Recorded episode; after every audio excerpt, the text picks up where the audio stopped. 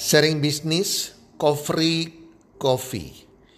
Hai para pendengar podcast, apa kabar? Di mana pun Anda berada saat ini, harapan dan doa kami semoga teman-teman dalam keadaan sehat walafiat dan berbahagia selalu bersama keluarga Anda. Dan pastinya, pasti-pastinya rezeki Anda akan makin bertambah dari hari ke hari dan bulan ke bulan. Serta kesuksesan dan keberuntungan selalu menyertai Anda di sepanjang tahun ini. Para pendengar podcast, podcast kali ini kita kembali sharing bisnis. Dan kali ini kita akan sharing bisnis tentang kopi. Dan kali ini yang membawakan adalah Bro Eka Darmadi dengan Saudara Gigi. Saudara Gigi adalah founder dari Coffee Coffee. Oke teman-teman, kita dengarkan sama-sama. Semoga bermanfaat dan salam sukses. One, two, three.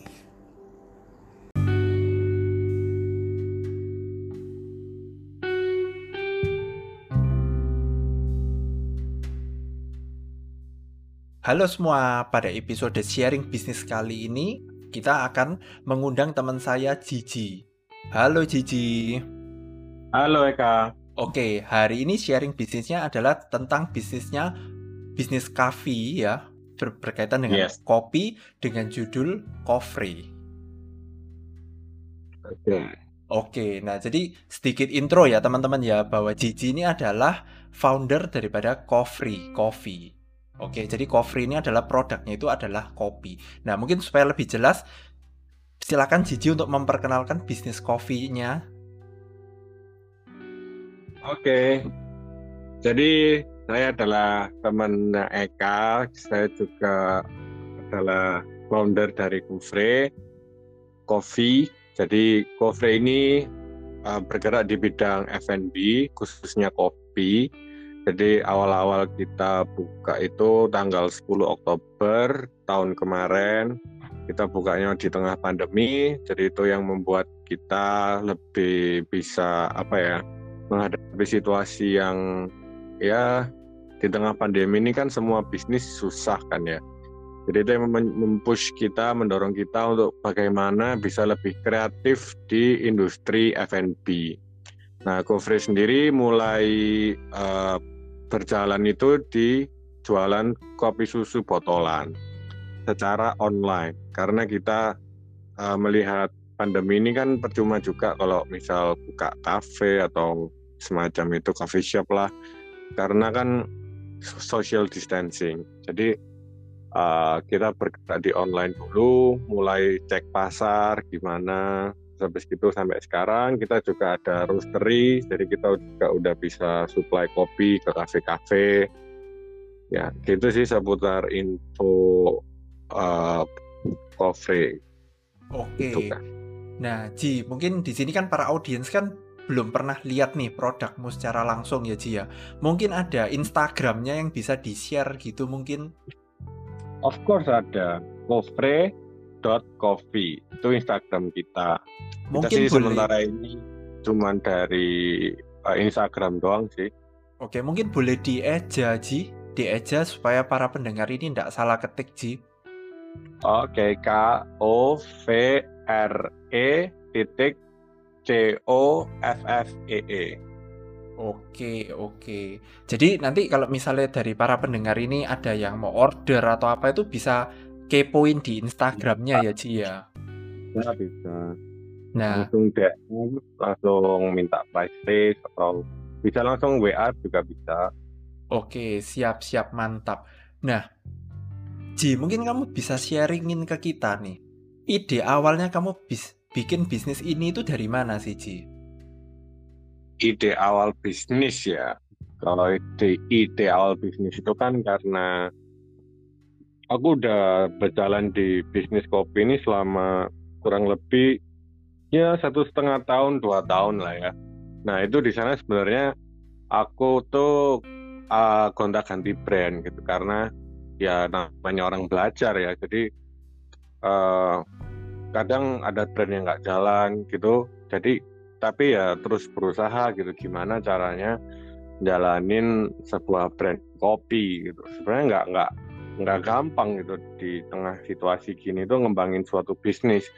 Nah, uh, kenapa punya ide Kofre? Karena aku melihat ada satu market yang masih kosong. Gitu. Jadi karena Kofre ini bergerak di bidang di market high end ya, di market kelas menengah ke atas. Jadi aku ini sebenarnya pinginnya itu membuat sebuah produk kopi itu yang benar-benar high quality punya gitu. Oke, nah pada waktu itu ya Ji ya, pada awal-awal kamu mulai belajar tentang kopi, pada waktu itu kamu itu belajarnya itu dari mana sih Ji pada waktu itu? Kalau belajar ya, belajar ini uh, karena papa dulu juga suka kopi, jadi ada beberapa channel atau kenalan dari papa gitu yang aku bisa sharing-sharing. Habis itu ada beberapa mereka yang mau ngajarin. Bahkan beberapa aku juga riset sendiri gitu di YouTube nonton video di YouTube. Soalnya kan sekarang gampang gitu loh kalau mau belajar sesuatu itu dari media-media video di mana LinkedIn atau di YouTube banyak lah. Jadi belajar sendiri itu jadi lebih mudah sekarang. Oke, nah kan by the way ya, Jiji kan awal memulai bisnis kopi ini kan ada di masa corona juga ya Ji ya. Iya. Yeah. Nah pada waktu itu kenapa sih kamu itu memilih kopi ini untuk yang dijalankan pada saat corona? Oh, kalau itu sebenarnya sih uh, karena aku punya uh, punya mesin roasting kopi yang nggak kepake jadi menurutku ini sebuah modal gitu buat aku daripada aku bingung kerja apa gitu. jadi waktu itu setelah pulang dari luar negeri setelah uh, belajar. Nah aku tuh bingung kan mau kerja apa. Terus di situ karena aku punya mesin roasting kopi yang kepake ya akhirnya aku pikir-pikir ya udahlah coba mulai bisnis sendiri daripada ikut orang tua gitu. Juga aku mikirnya kan juga kalau misal kita bangun bisnis sendiri dari nol terus habis itu sukses itu kan jadi kebanggaan sendiri. Itu jadi berawal dari sana aku mulai belajar kopi mendalami kopi kopi itu gimana eh tambah belajar makin makin suka gitu makin jatuh cinta karena kopi ini benar-benar um, apa ya masih banyak hal yang perlu dipelajarin. Oke oke. Nah Ji, arti nama Kofri sendiri itu artinya itu apa ya Ji ya? Kalau Kofri ini ya jujur sih um, gak ada artinya sih. Jadi Kofri itu berawalnya dari kata kopi, cuman yang diplesetin gitu. Jadi Kofri. Sebenarnya nggak ada nama sih. Cuman kalau kalau aku pernah iseng kan search search di Google Translate di Google Translate itu kan bisa di tag language kan jadi waktu itu aku ketik aja kofre gitu kan siapa tahu ada bahasa apa ada artinya eh beneran ada sih artinya itu uh, dia tuh berasal dari bahasa Rusia tapi artinya karpet oh. tapi jangan salah karpet itu hanya ada di rumah-rumah mewah hotel ya kan Oke, oke. Jadi ini artinya juga ad, ada terselubungnya juga gitu ya, Ji? Ya, ya ada artinya ini sebenarnya. Hmm, hmm, hmm, hmm. Nah, Ji, ini ya buat para audiens yang lumayan awam nih tentang tentang rasa daripada kopi ya, Ji ya. Nah, sebetulnya hmm. apa sih yang membedakan Coffee ini dengan produk-produk brand kopi lainnya, Ji? Mungkin kamu bisa ceritain secara singkat gitu, Ji. Oke, kalau menurut produk produknya Kofre itu pasti beda sama yang lain. Kenapa? Karena semua bahan dari kopi, susu, atau sirupnya, semua itu kita pakai bahan yang top punya. Jadi kayak misal kopinya, kopi kita pakai course pakai single origin Arabica. Karena secara rasa Arabica pasti lebih robusta, tapi itu sesuai selera sih. Dan Arabica kita pun juga nggak main-main. Kita pakai kopi Arabica dari Brazil. Dan di roasting juga sudah sesuai profil yang paling maksimal. Terus habis gitu kita juga pakai mesin roastingnya juga yang murahan gitu. Jadi kita pakai tetap uh, memperhatikan kualitas hasil roasting biji kopinya itu maksimal gitu.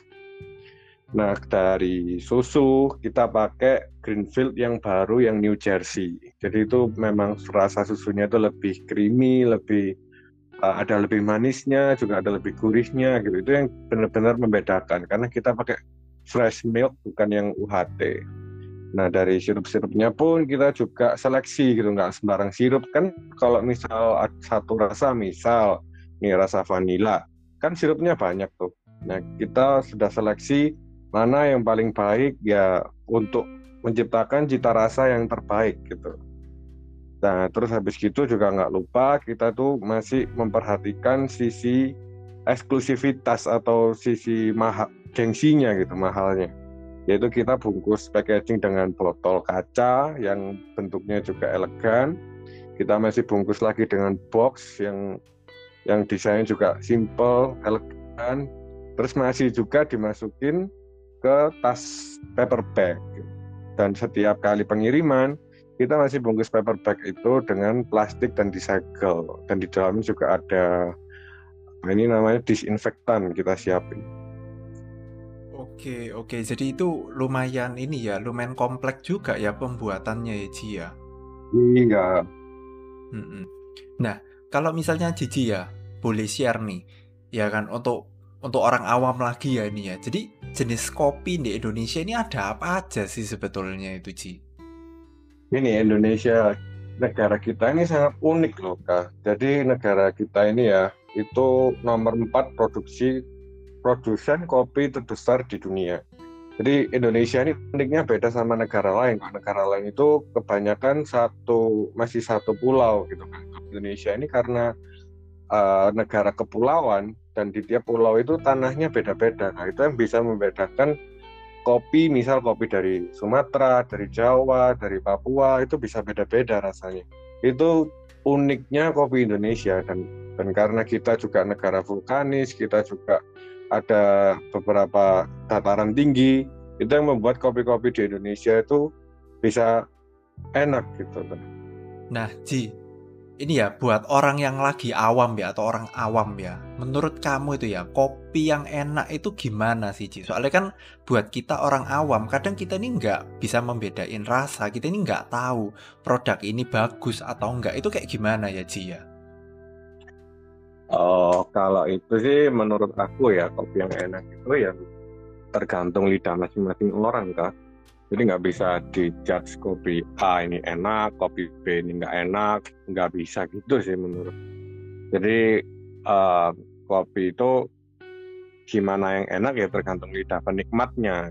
Cuman karena kopi yang enak itu pasti menemukan penikmatnya sendiri. Jadi tiap coffee shop atau uh, satu perusahaan kopi itu pasti memiliki cita rasa tersendiri. Jadi tergantung masyarakat cocok-cocokan yang mana. Gitu. Oke, berarti ini bicara soal selera tiap orang itu bisa jadi beda-beda gitu ya, Ji ya? Iya. Yeah. Nah, oke. Nah, Ji, sekarang kamu ceritain dong ke kita. Suka dukanya ketika kamu menjalani bisnis kopi ini ya apa, Ji? Mau suka dulu atau duka dulu?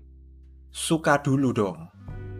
Suka dulu ya. Kalau suka sih karena aku memang suka kopi. Jadi waktu menjalaninya pun aku juga enjoy aja gitu. Jadi meskipun um, ya meskipun ada dukanya, tapi tetap jalanin tuh tetap seneng gitu. Karena uh, kopi ini uniknya itu dalam gitu loh. Jadi kopi ini mau diapain aja itu banyak proses yang dilewati untuk menjadi sebuah minuman. Jadi itu sukanya itu aku suka bikin-bikin menu baru, terus habis itu bikin cara metode baru untuk ngebrewing kopi gitu dibantu dengan tim. Nah, kalau misalnya kalau dukanya ya tiap coffee shop pasti menurutku sih pasti ada sepinya gitu kadang ya. Itu kadang ya nyesek juga sih kalau misal lagi nggak ada orderan atau dibilang nggak enak itu sering sih nah tapi gimana cara kita menghadapi ya omongan-omongan itu biar tetap kita terus jalan itu sih memang bisa jadi kritik atau masukan itu juga bisa buat membangun kita gimana bisa lebih bisa nge-serve kopi yang better itu gimana? Oke, nah kalau menurut Jiji nih, ya toh, pandangan Jiji tentang peluang bisnis kopi di Indonesia itu gimana, Ji? Kalau peluang sih ya, kita ngomong peluang sih sebenarnya masih besar peluang bisnis kopi di Indonesia. Karena kan kita memiliki masyarakat itu juga udah dari dulu kita memiliki budaya itu ngopi, ya kan entah itu pagi, entah itu siang, bahkan nggak menutup kemungkinan orang tuh ngopi sore sama malam. Jadi untuk bisnis kopi menurut saya sih pasti masih ada lah chance untuk uh, maju gitu karena industri kopi di Indonesia sendiri adalah salah satu komoditas terbesar gitu di, di negara kita. Okay. Kalau kita ngomong peluang ya, kalau aku boleh saran sih uh, bagaimana itu kita bisa stand out gitu di in the crowd. Jadi kalau kita memiliki bisnis kopi yang ya gitu-gitu aja ya itu nggak akan bisa ada peluang gitu. Kalau kita mau ambil peluang, kita ambil chance, gimana caranya kita itu berinovasi, create something new lah. Karena kalau nggak gitu, pasar kopi ini pasti jenuh. Okay. Nah ketika ketika jenuh, yaitu pasti pasar itu akan menurun. Gitu. Nah, Ji, mungkin kamu bisa share inovasinya Kofre yang tidak dimiliki oleh tempat lain itu apa sih, Ji? Banyak. Jadi produk-produk kita tuh semuanya harus beda daripada yang lain. Jadi misal dari gold wine ya. Kenapa kita sebut gold, wine? Karena kita nge-serve cold brew dengan proses wine ini kita masih kasih emas edible gold 24K. Jadi itu sih menurutku salah satu gimmick andalan di Kufre karena ada emasnya gitu yang paling yang paling ini sih yang paling hype paling terkenal sih kita di goldnya. Nah itu cuma salah satu contoh dari produk kita. Belum yang lain kalau yang misal susuan yang latte-latte itu kita juga sediain menunya bukan cuman ya es kopi susu aren atau apalah itu yang yang sangat-sangat umum di pasaran ya. Kalau Eka pernah lihat price listku itu kan semua menu menu di Kofre gak ada di kafe lain kayak misal strawberry cheesecake ya kan. Terus Nutella banana itu kita pakai Nutella asli. Jadi uh, kita nggak pernah takut sama HPP yang tinggi jadi kita pasti pakai semua semua apa bahan-bahan yang premium punya yang orang-orang itu hindar karena HPP-nya nggak nututin gitu. Misal uh, susu tuh kalau misal kita pakai susu Greenfield NJ ini atau dibandingin sama uh, susu yang lain itu pasti HPP-nya beda jauh tuh. Cuman karena kita ini menggunakan produk-produk yang high end kita juga jualan service. Jadi kita harus mempertahankan kualitas. Gitu. Oke. Okay. Itu yang benar coverage dengan yang lain. Oke, okay, thank you, thank you, thank you. Nah, oke. Okay. Nah, terakhir nih Ji ya. Kata-kata motivasi hmm. apa yang ingin kamu berikan untuk para pendengar? Motivasinya ya. Mm -mm. Hmm tetap putus asa, jangan semangat. Eh, kebalik sih. Tetap semangat, jangan putus asa ya, Ji ya. Iya, betul. Tetap semangat, jangan putus asa. Karena sih aku sering lihat di Google, di apa kalau di Instagram itu banyak gambar. Atau Eka pernah lihat nggak ya ada satu gambar yang atas itu ada orang gali udah mau sampai nih sama treasure-nya tapi karena dia udah nyerah dulu ya udah nggak dapat sedangkan yang bawah emang masih jauh tapi itu tetap semangat gali sampai akhirnya dia dapat gitu jadi kalau menurutku uh, dalam kita berbisnis kalau misal ada kalanya sepi atau minus bahkan atau rugi menurutku sih jangan jangan menyerah gitu terusin aja gitu. Tapi tambahin ide-ide apa gitu promosi-promosi apa bisa bikin suatu brand ini tetap naik. Soalnya sih waktu aku dulu pertama bangun brand ini sebenarnya saya nggak pede sih. Ah, nggak pede kalau kopi ini bakal ada yang beli gitu kan. Soalnya kan harganya tinggi. Tapi uh, ya itu sih kalau menurut dari aku, aku ini orangnya nggak mau gitu nyerah gitu aja. Jadi mungkin siapa tahu mungkin uh, bulan depan atau next year mungkin bisa sukses. Ya pertahanin aja, jangan jangan nyerah gitu. Oke, wow luar biasa banget ya. Thank you banget ya buat Gigi ya yang udah meluangkan waktunya untuk sharing di podcast ini ya Ji ya. Sama-sama, thank you. Nah, untuk para pendengar ya, ini sekian dari episode kita kali ini. Sampai jumpa di episode kita selanjutnya. Dadah. Dadah.